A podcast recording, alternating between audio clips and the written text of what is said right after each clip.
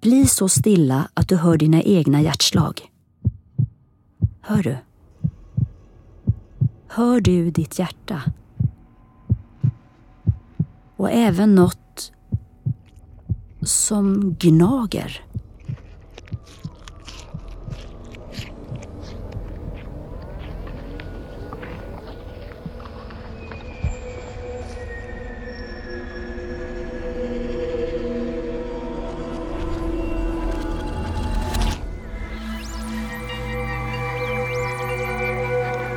Fantastisk podd, en podcast producerad av fantasy, science fiction och skräckförfattare. På svenska, i Sverige och Finland. Vi snackar skriva, böcker, våndor och vändor i våra och andras världar.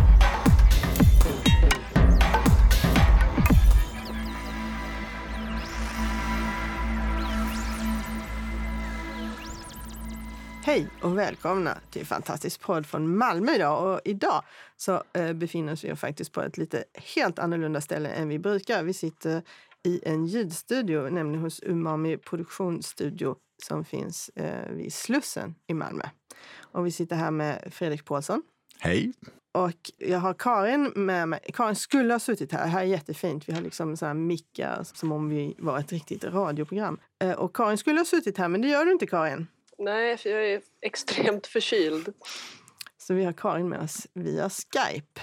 Och eh, ja, vi tänkte lite berätta om en grej som vi har gjort. Vad är det vi har gjort? En helt ny sak. Ja, vi har gjort en eh, ljudvandring med märkliga förtecken kan man säga. Märkliga förtecken är spännande. Ja. Ja, så här under...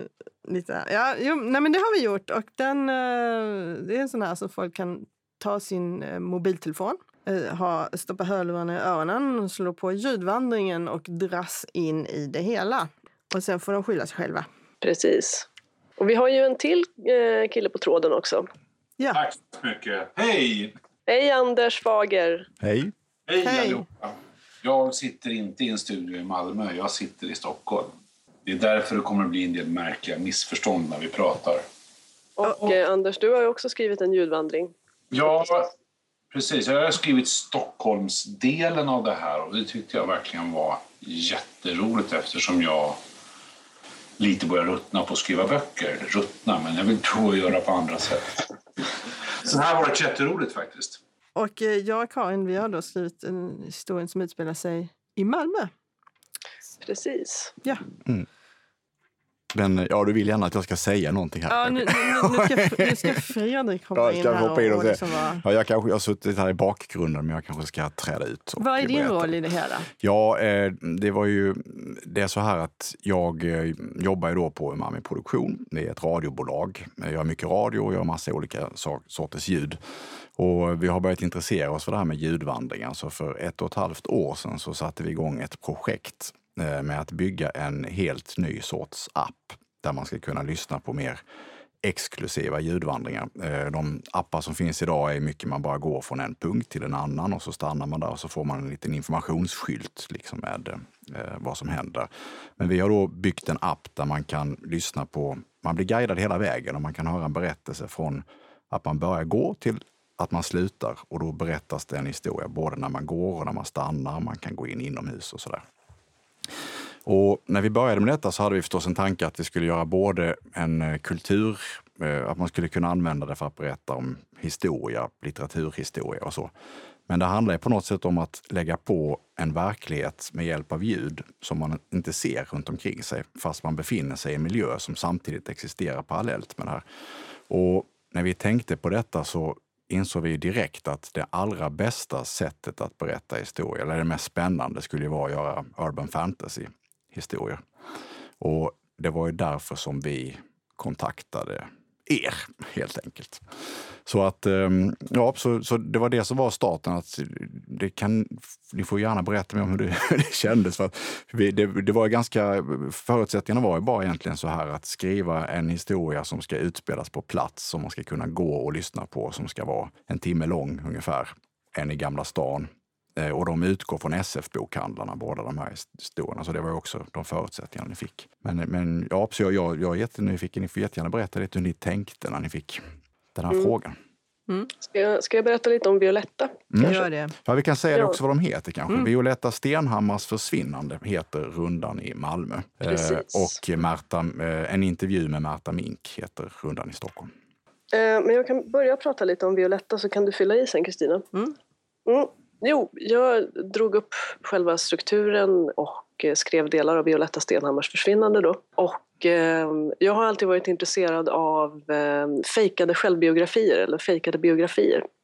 Så det var där jag började och jag ville berätta någonting om eh, det dolda Malmö, en berättelse om Malmö som, som kanske egentligen finns där under verklighetens tunna hinna. Och då kom jag att tänka på just en person som Violetta Stenhammar. Eh, jätteintressant, för jag hörde din text och det slår mig att eh, du har två... En vacker dag när vi på något vis...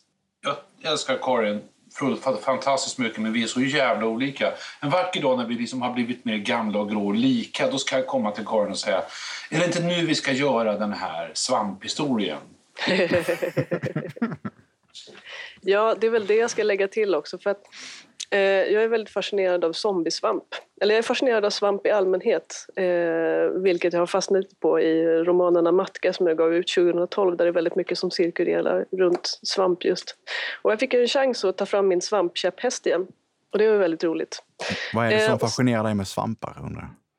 Ja, svampar ligger ju i gränslandet mellan djur och eh, växter på något sätt. De, har ju, de är ju eh, en eget, ett eget område i floran och faunan. Och de beter sig på sätt som är väldigt märkliga. Ibland så verkar de gränsa till intelligens. Och just zombiesvampar är väldigt spännande för att de kan manipulera andra varelsers nervsystem och få dem att göra saker. Eh, och då funderade jag på vad, vad som skulle hända ifall de infekterade människor helt enkelt. Och det får man ju reda på i den här vandringen kan jag tillägga då. Så. Precis. Det, det är ju så roligt att jag gjorde alltså en slags installation för ett par år sedan om en, konst, om en eh, doktor i biologi på Stockholms universitet som åh, drabbades av ungefär samma saker. Det är som att det finns någon slags parallellhandling i min och Karins huvuden. det är roligt. Det är faktiskt jätteroligt. Det är så här, ja men det där är ju min idé ju. Ja, vad roligt. Annars, annars är det ju roligt tycker jag för att de här båda eh, berättelserna är ganska olika. Eh, I alla fall i sin, sitt upplägg. Eh, vissa saker är gemensamma men den här i Malmö är ju mer eller en sak som vi upptäckte när vi arbetade med det var ju att man måste ha en väldigt tydlig berättare.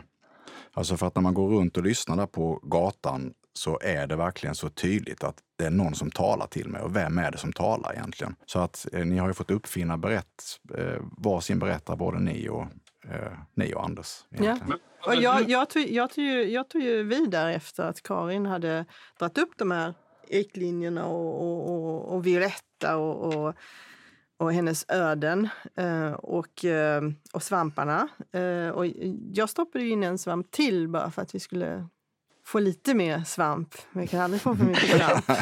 Så jag stoppade in slemsvampen som jag vill hävda är häftigare än zombiesvampen för att slemsvampen är inte heller riktigt en svamp.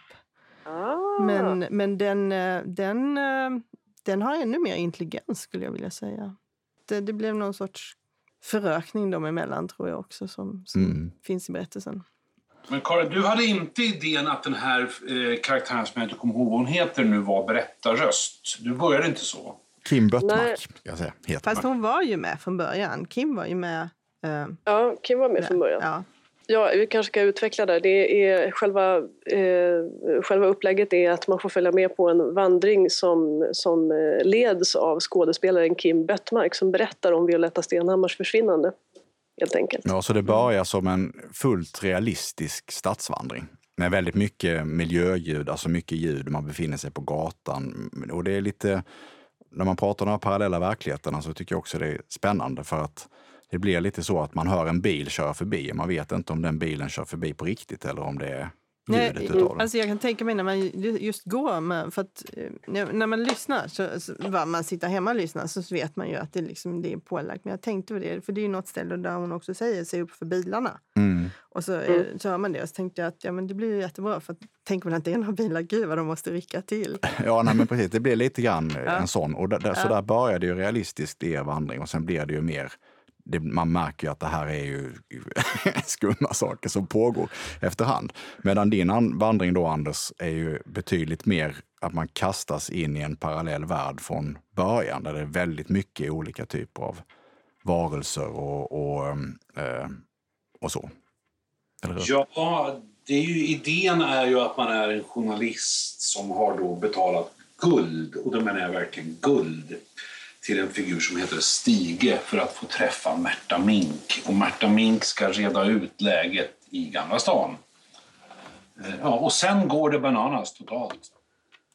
Det är någon slags statskupp bland älvorna i Stockholm. Ja, ja, ja. Ballar ur. Fullständigt faktiskt. Det kommer ett troll som är skitsurt och ska möblera om och dirigera trafik och kasta bussar. Nej, det, det är en väldigt, ett väldigt, en väldigt flora av, av varelser. Och väldigt mycket ljud också i, de här, i den här berättelsen från många olika... Jag har ju aldrig skrivit den typen av, vad ska vi kalla det för, urban fantasy där det sitter saker, i slängkapper på tak och sådär och ser jävligt svårmodiga ut eller några sådana här folkloristiska historier så jag tänkte att nu gör vi det en gång för alla och liksom mörsar in allting i de här 50 minuterna. Alla så här lösa trådar jag hade. Så att nu behöver jag aldrig mer skriva sånt igen. Men, eh, men vad tycker, ska vi lyssna på ett litet utdrag kanske? ja, det Ja. tycker jag. Passar det bra? Ja. Men vi kanske ska börja med Violetta då. Ehm, Den här, en, en liten bit. Så jag kan ju berätta vad det är som vi skulle spela upp. Det börjar som sagt med en vanlig stadsvandring med Kim Böttmark utanför SF-bokhandeln. Hon berättar om Violetta som har försvunnit och lite grann om hennes biografi. Hon är uppvuxen på David Hall och så i Malmö. Och så kommer man fram till det gamla polishuset och, och står där. Det, är ett väldigt, det gamla polishuset i Malmö är en väldigt spännande byggnad med eh, rådhusvin som klättrar upp längs väggarna och, och så. Så man har stått där ett par minuter och hon har berättat lite om vad man ser eh, när hon börjar berätta då om att det var första gången hon träffade Violetta var på, just på den här platsen. Vi kan lyssna på det. Hon hade precis börjat på gymnasiet. Jag gick fortfarande i grundskolan på högstadiet. Men den dagen... Åh. Jag minns den som igår. Solen lyste. De gröna bladen hade precis börjat skifta mot rött. Hon stod precis här. Till vänster om porten. Vänster om gubben med gula tutan. Hon tryckte sig mot rådhusvinet. Nästan som om hon ville försvinna in i det. Först trodde jag att hon kanske inte mådde så bra. Men innan jag hann fråga tittade hon på mig med stora förvånade ögon innan hon förskräckt vände sig om och försvann bort mot huset som jag visade dig nyss. Men det var efter den händelsen som jag upptäckte henne. Jag började lägga märke till henne allt oftare följde efter henne om jag kunde. Väntade på henne efter skolan. Hon var alltid klädd i grått under sin pepparmönstrade kappa. Hon hade alltid kängor med klackar som klapprade mot kullerstenarna. Sitt bruna hår löst och hängigt. Om det inte var samlat i en slarvig fläta som hängde bak på ryggen. Inget smink. Hon var blek. Antagligen för att hon satt inomhus med näsan i böcker. Nu vill jag att du gör som Violetta gjorde den dagen. Ställ dig nära rådhusvinet. Så nära att du känner bladen eller den gamla skrovliga stammen mot kinden.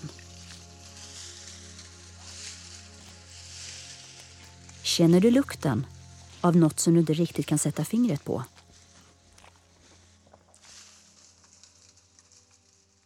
Bra. Slappna av. Blunda. Lyssna.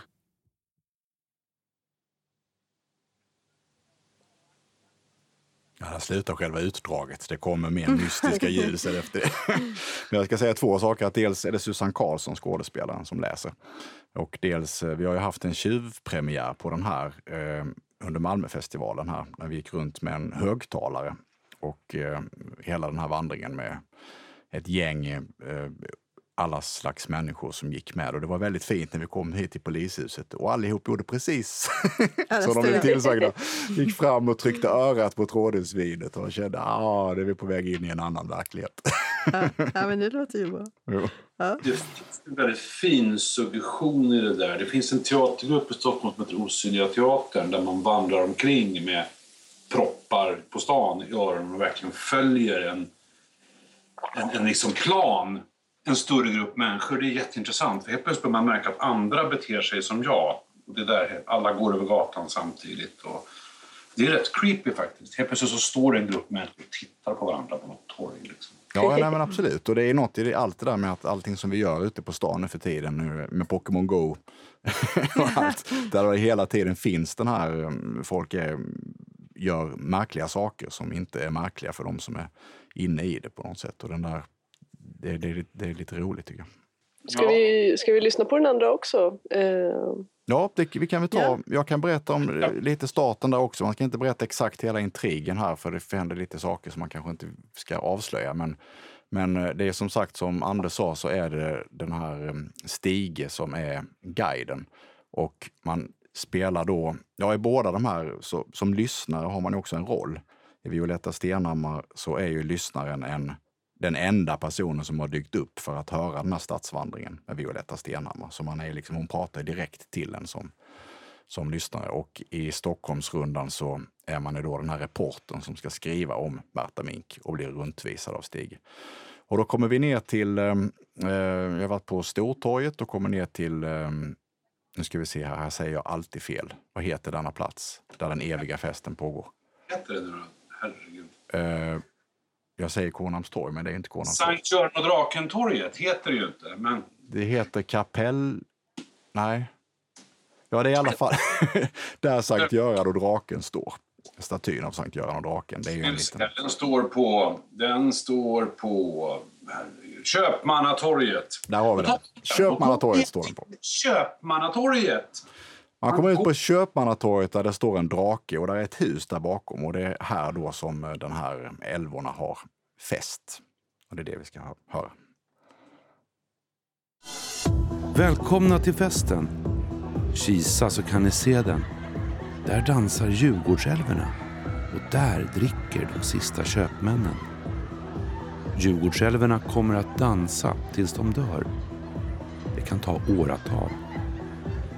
Älvorna har dansat sedan statyn restes 1910 och lite innan dess. Det ser man minsann inte på dem. Det dansades här redan när Fiskartorget låg här. Ett torg hela vägen från statyn och ner till vattnet. Där såldes det fisk från Saltsjön och älvorna dansade då med. Vi är lite sena. Man är alltid sen hit. Det är en sån fest. Följ med mig. Vi går bort till prinsessan. Där står mor Strandvaskare och säljer öl. Hon ger rabatt till alla viskare. De flinka och snabba, tjuvar och lurifaxar i gränder och på gårdar. Köp tre, betala för fyra. Är du med? Och där uppe i fönstret, mitt mot draken, ser du? Evelina Trollstarr den fjärde till och med under det runda fönstret högst upp, drottning av Upplands dagg. Hon är i exil. Människorna har byggt en stor flygmaskinsplats där hennes slott stod. Kan du tänka dig? Evelina den fjärde är det främsta av lejonen här idag. Jag ser några till. Dag och Dag där borta och fru Anna själv tredje. Ja, ett litet eh, axplock på alla figurer som svävar förbi. Ja, det var verkligen ett lager ovanpå. Jag kan tänka mig det när man står där och verkligen och följer de här figurerna som du målar upp, Anders. Man kan se liksom det, föreställa sig dem i, i miljön. Ja, det väldigt intressant var ju att vi insåg efter ett tag att i och med att du går mellan punkter rent tekniskt så går det ju att släpa med dig ljud. Eller har jag fel nu? Eh, hur menar Man du? slår ju i någon slags soppa av ljud. Exakt. Den exploderade hela podden. Jag försöker prata teknik. Vad sa du? Man går genom en soppa av ljud.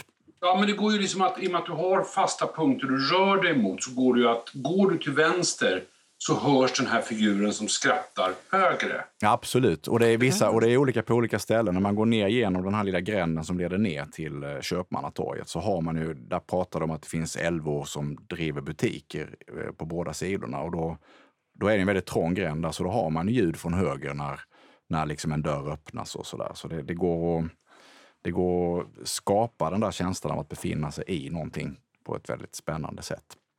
Var jättekul. Och så är det roligt att båda de här är ju, är ju, är ju ett slags det är ju stadsvandringar samtidigt. Alltså det finns, Stige tycker om att visa upp och berätta om Stockholm som det var för länge sedan. Och, och det är likadant med Kim Böttmark. Hon berättar ju också om det här bodde hon och där bodde det. Man vet inte riktigt vad som är på riktigt och vad som inte är på sant. Men, men det är ju det liksom, som det, är liksom det som också, tycker jag, var mycket poängen och, och, och eh, också när man skrev också. Det var just att ge den där känslan att lyssnaren, visst det är en historia och den tar, den far iväg eh, åt håll som man kanske inte väntar sig. Men samtidigt så ska man efteråt tänka, men tänk om. Det ska ändå Precis. finnas det där liksom, man kan inte riktigt veta. Nej, och så, Nej. Det, de här vi gick med på Malmöfestivalen var ju väldigt sådär, alltså många av dem, de, det tog ju en stund innan de förstod att Violetta Stenhammar var påhittad. Ja, då, det var flera stycken som... Vid någon, Yes! Ja. och det är roligt. Jag tror inte det funkar riktigt likadant i Stockholm, Anders, tyvärr. Men Alltså, man jag- det går lite snabbare där, att man fattar att ja, men det är nog någonting som är fishy här. Eller så... Det Jag- rusar jag- runt par halshuggna folkungar på ett tidigt stadium som jag tror att man förstår att de inte är på riktigt. Exakt. Alltså jag funderade på om man skulle ta och, och, och bara göra en, en, en fejkbok av alla hennes böcker som hon faktiskt har skrivit, Violetta, och sen smuggla in den på, i Malmörummet på Stadsbiblioteket om någon skulle gå och kolla där. Så Ja, det hade varit jätteroligt. hade, hade, hade svampboken, en zombiesvampen, funnits där kanske? Ja, precis. Mm. Jag tror inte att bibliotekarierna skulle vara jättesvåra att övertala. Det tror inte, äh, äh, nej, absolut inte, det tror inte jag heller. Mm. Och jag, jag fick ju en rundvandring på biblioteket när jag skrev. Jag fick en sån här exklusiv rundvandring och var nere i katakomberna under Ah. stadsbiblioteket. Så jag fick se liksom allt. Och, och- och det finns ett, ett, fanns ett, ett utrymme. Den gamla delen ser ut som ett slott och den nya delen är ju då liksom fyrkantig och, och fin. Och den gamla delen då som är byggd som en kopia av något slott i Skåne, typ då, för att det var, man gjorde så på den tiden. Där finns tydligen något sånt här utrymme under en trappa som inte liksom tjänar något syfte. Men där de sa att där kan ju en... Där kan ju en eh, det, var Simon som visade runt mig. eh, Simon Lundin. Mm. Där, där, kan, där kan ju någon liksom bo. Ja, absolut. Ja, men det, det, det, så att, eh, jag menar, man får ju inblicken lite i, Malmös arkitektur. Ja, Det ska liksom vara ändå lite... Mm, och de där små hemliga fickorna i stadsrummen. Liksom, Mm. som man, man, man börjar verkligen faktiskt titta på stan på ett nytt sätt. Och absolut. Och växterna, gud vad jag lärde mig. Ja, det är ett fantastiskt... ehm, Det fanns ju någon bloggare där också som var väldigt behjälplig med alla träden. I, han kunde alla träden utan till. Han kunde alla Parken. träden i Malmö utan till. Tror jag. Sen är det ju väldigt roligt när det här liksom slår tillbaka. Jag skrev en bok som hette En man av stil och smak och där finns det en skatt gömd på Gamla Riksarkivet i Stockholm. Och jag fick ett brev från en kille som har varit där och tittat. Han liksom undrar exakt vad jag menar att det är. Under den där trappan, är det den grejen man ska bryta upp? Okej. Det är jätteroligt. Jag tror att han var på rätt ställe faktiskt. Ja. Och, och, för då blir det någon slags payback för det här nörderiet också. Jag sätter och, sitter och lär mig otroligt konstiga saker för att liksom illusionen ska vara så sann som möjligt. Och då är det så jäkla roligt när någon testar om det håller. Tycker jag är jätte... Ja, men det finns någon tillfredsställelse i det. Ja, nej, men absolut. Man märker det. Nörderi är väldigt kul. Eh, och när man kan enas kring det så blir det ännu bättre. Sen är det ju jätteroligt med såna här planteringar. Det, då kan man ju bygga hela såna här byggen som den här Night Film, om ni har tagit del av den, där man har byggt en hel filmregissörskarriär med affischer och provfilmningar och grejer som finns på nätet.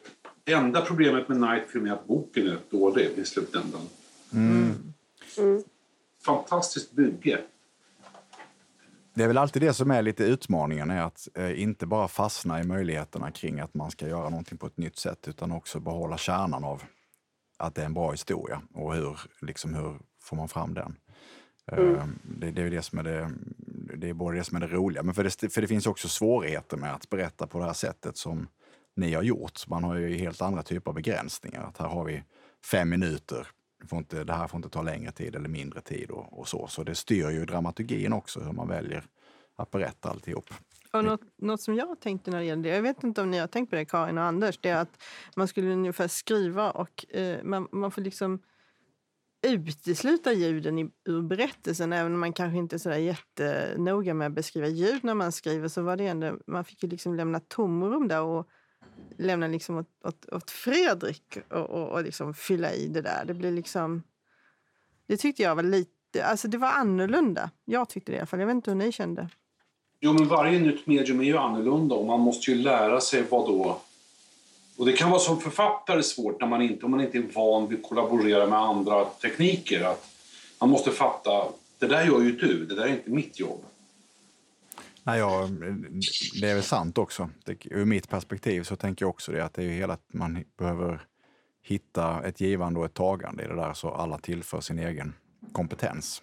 Men det är det som är så roligt med att jobba i, eh, alltså att, att samproducera, att samskriva eh, och samskapa sådana här grejer är ju att man lär sig otroligt mycket och eh, summan blir ju större än delarna på något sätt. Det är jättespännande. Jag tycker man lär sig otroligt mycket. Alltså det här tillför ju väldigt mycket för mitt eget skrivande eh, sen när jag håller på med vanlig prosa.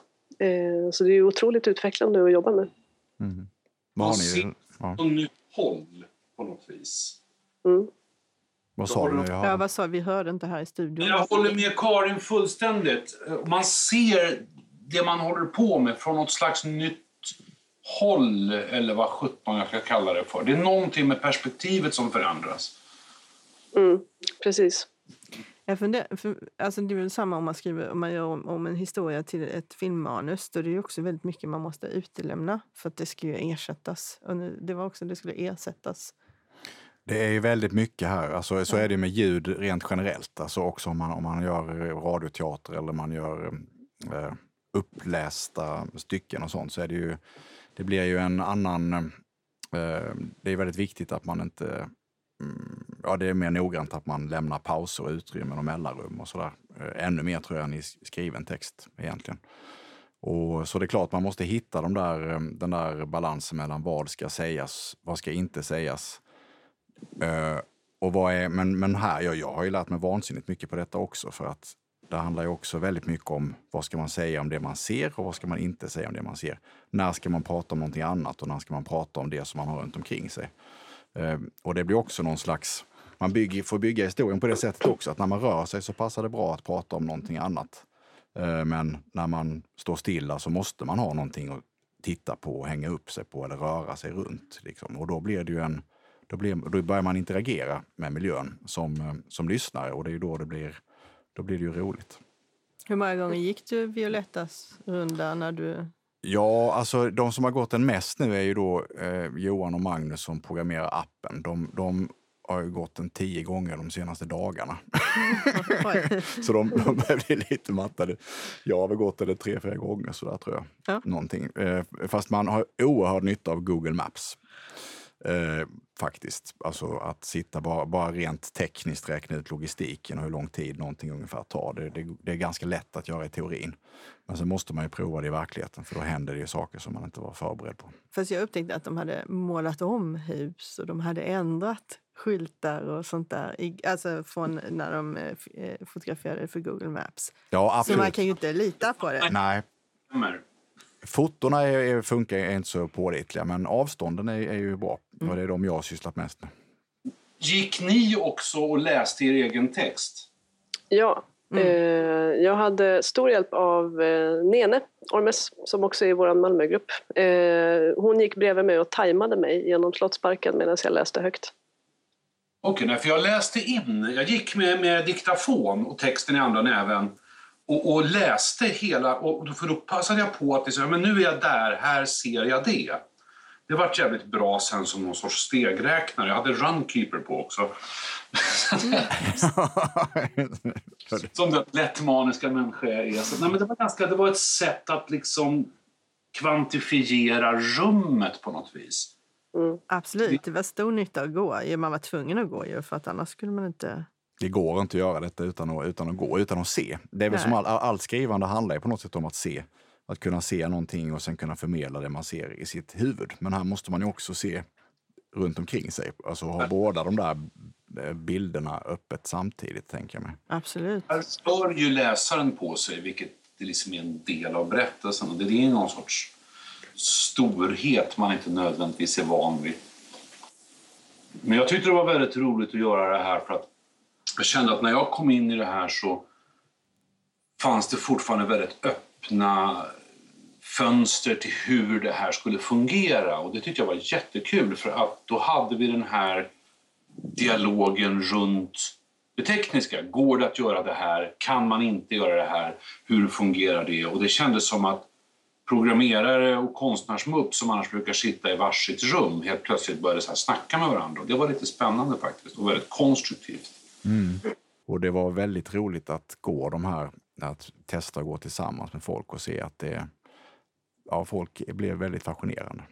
Ja, det, det, blev de rädda? Alltså såg de rädda ut? De, de var sådär mysrädda skulle jag säga. Jag skulle, inte, jag skulle inte beskriva dem som skräckslagna, om det var det ni tänkte. Ja, det men, lite svårt men, att somna kanske när de ja, tänker på lite så svampar och. Men jag kan säga att det finns partier där de ryckte till. Absolut. Det det. Och det roligaste av allt var, ja det måste jag berätta, det var när vi gick genom Slottsparkerna så finns det, det är ett av de lite så här ruggigare partierna. För det, utan att säga för mycket så börjar Violetta, hon tappar ju kontrollen.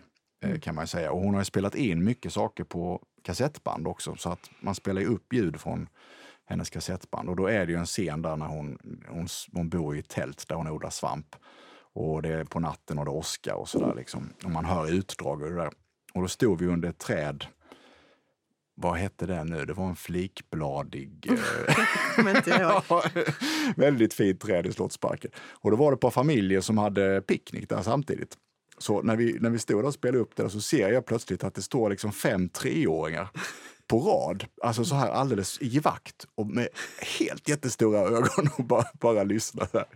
Och, och, och, så, och så avslutas den här um, kassettuppspelningen med att um, Kim Böttmark då berättar, läser i Sydsvenskan om att polisen, att, att Violetta försvann och att uh, polisen liksom letar efter henne. Och så blir det tyst då när det här var klart och då säger en av treåringarna bara i en konstpaus och så här bara, polisen.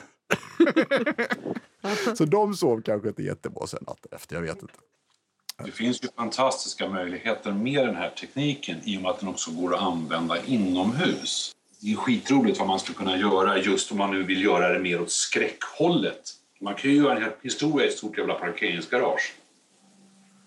Absolut, vi har ju pratat om det där lite grann. Vi har en idé om självmordsbombare och och mm, gallerior och sånt. Det finns mycket offentliga miljöer där man skulle kunna... Tänk dig själv om den här, vad heter den nu då, Mall of Boring Scandinavia har som app att du kan gå runt och försöka räkna ut med den här hörlurarna och du är Jack Bauer och du ska räkna ut vem som är självmordsbombaren.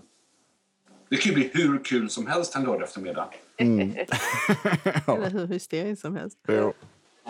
Kommer det fler, kommer det fler eh, så här urban fantasy-rundor? För det är, vi, det är de här två rundorna nu. Som, mm, som jag hoppas har. ju verkligen det. Det hänger ju på många olika saker. Men jag hoppas verkligen det. det är ju, nu har vi gjort de här eh, de här fem rundorna har ju gjorts lite grann som showcase eh, för vad man kan göra egentligen inom olika genrer. Och nu, är ju, eh, och nu kommer de att släppa dem och de kommer som sagt vara till salu så att vi hoppas att de säljer en del. Och sen blir frågan om eh, eh, det handlar egentligen om det, om det, om det funkar som idé, att, att folk eh, vill köpa det. Och då finns det ju alla möjligheter att ta de pengarna och producera nya sen. Så att det finns inte någon, vi har, vi har tankar på vad man skulle kunna göra, men vi har inte det finns ingenting som är spikat om det ännu, men vi hoppas att det ska kunna vi skulle gärna vilja göra någon sån här, alltså så att det kommer en ny med jämna mellanrum i storstäderna i Sverige. Det hade ju varit det bästa. Och städerna är väldigt tacksamma att det finns ju, eh, ja det är väldigt roligt att göra såna här i städer där det ändå är kul att gå runt i för att det finns så mycket i en stad som, som, man, eh, som man kan lägga på det där extra lagret över. Ja, det finns ju så mycket. Sen finns det ju så mycket ska vi säga, gömda miljöer du kan använda om du börjar leta lite. Tunnlar och som sagt parkeringsgarage och udda. Den här döda zonen på Norrmalm i Stockholm till exempel, där det inte finns en människa efter tio. Vilken fantastisk nattvandring ni skulle kunna göra där. Mm, nej, men det där är superintressant och det är jätte... Det, är, det finns... Det, precis. Det är, bara det är ju eh, suggestivt. Att hitta den där miljön som, som sätter igång fantasin och sen så släppa loss fantasin i det där också. Det, det är väldigt fint. Appen finns ju för iPhone i nuläget och jag hoppas kunna ha en Android-version 2017. Men eh, nu är det för iPhone som den finns. Gå och lyssna om ni inte har svampfobi möjligtvis i Malmö. Jag vet inte om man har någon fobi i Stockholm. Jag vet inte vilken fobi man behöver. Fobi för döda människor. det kanske är rätt många som har just den. Ja, just den fobin. Ja. Men det kan vara kittlande på lite lagom avstånd. Ja. ja men då, då avrundar vi här nu från Fantastisk podd i Malmö. Hej för oss. Tack så mycket. Tack så mycket. Hej. Hej då. Du har lyssnat på Fantastisk podd om du trivdes i vårt fantastiska poddsällskap och vill ha mer så hittar du äldre poddar och information om oss som deltar på vår hemsida under fantastiskpodd.se och på vår Facebook-sida Fantastisk podd. Har du frågor eller förslag på vad du tycker att vi ska tala om, hör gärna av dig antingen på Facebook eller via kommentarer på hemsidan. Vi hörs!